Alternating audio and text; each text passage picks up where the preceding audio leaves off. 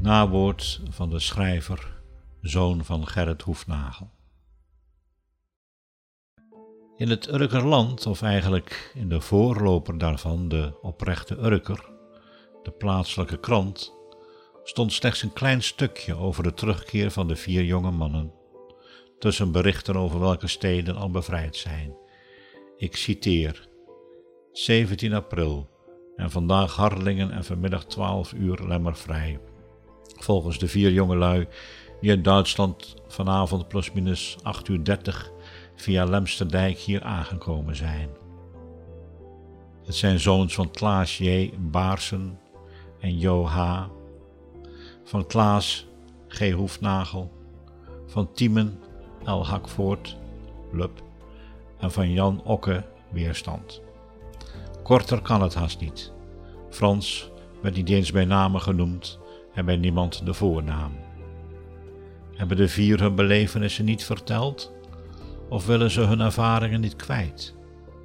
De ervaring leert dat de mannen ook in later jaren niet of nauwelijks spraken over hun belevenissen. Het zij zo. Van de kleinkinderen van Jan Baarsen hoorde ik dat Jan als een soort humor zich wat Duitse termen eigen maakte. Zo wekte hij bijvoorbeeld de kinderen met de roep: Aufwachen, zes uur, die arbeid is weer vrijgegeven. Of hebben ze een bolske? Bol is het Urker woord voor brood. Na veel aandringen heeft Gerrit zijn belevenissen op papier gezet. Kort, op slechts vier velletjes A4. De Urker Sjoerd Snoek schreef in 1984 het boek Na de Rassia over de opgepakte Urkers tijdens de Rassia van 18 november 1944 op Urk.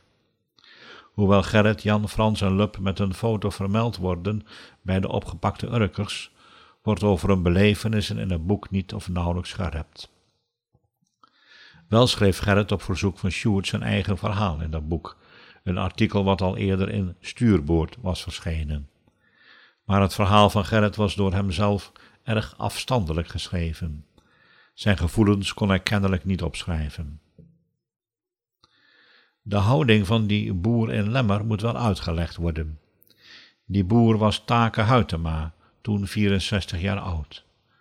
Bij zijn buren waren veel Duitsers ingekwartierd. Geen wonder dat hij bang was om een paar aan de Duitsers ontsnapte dwangarbeiders te herbergen. De dode op het erf was niet de boer, maar waarschijnlijk een Duitser. De verkering met Tini is aangebleven. Ze zijn in 1949 getrouwd. Contact net na de oorlog was heel moeilijk. Pas op 21 mei 1945 kon Gerrit voor het eerst een brief zenden naar zijn vriendin. Ik citeer enkele passages. Eindelijk weer eens in de gelegenheid om een brief te schrijven.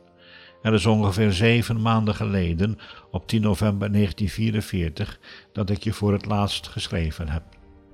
Maar je ziet, aan alles komt een eind, ook aan de briefblokkade. We hebben genoeg meegemaakt in Duitsland, maar dat zal ik je persoonlijk wel eens vertellen. Er is nog nooit een Urker zo ingehaald als wij. We zijn over de Lemsterdijk komen lopen. We waren zo ongeveer 600 meter van Urk af. Toen zei hij tegen Lup, je neef Lup was er ook bij, we waren met z'n vieren. Wat zou er los wezen? Heel wijk 7 stond zwart van de mensen.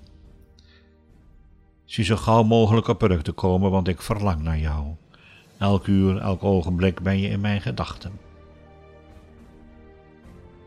Gerrit kreeg toen hij ouder werd last van nachtmerries.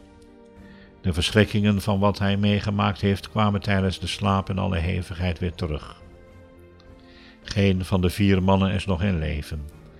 Gerrit overleed in januari 1996, Jan in januari 2018, Lup naar ik meen in 1991 en van Frans weet ik het niet. Op dit moment leeft Tini nog. Ze woont in Venendaal, dicht bij twee van haar vijf kinderen.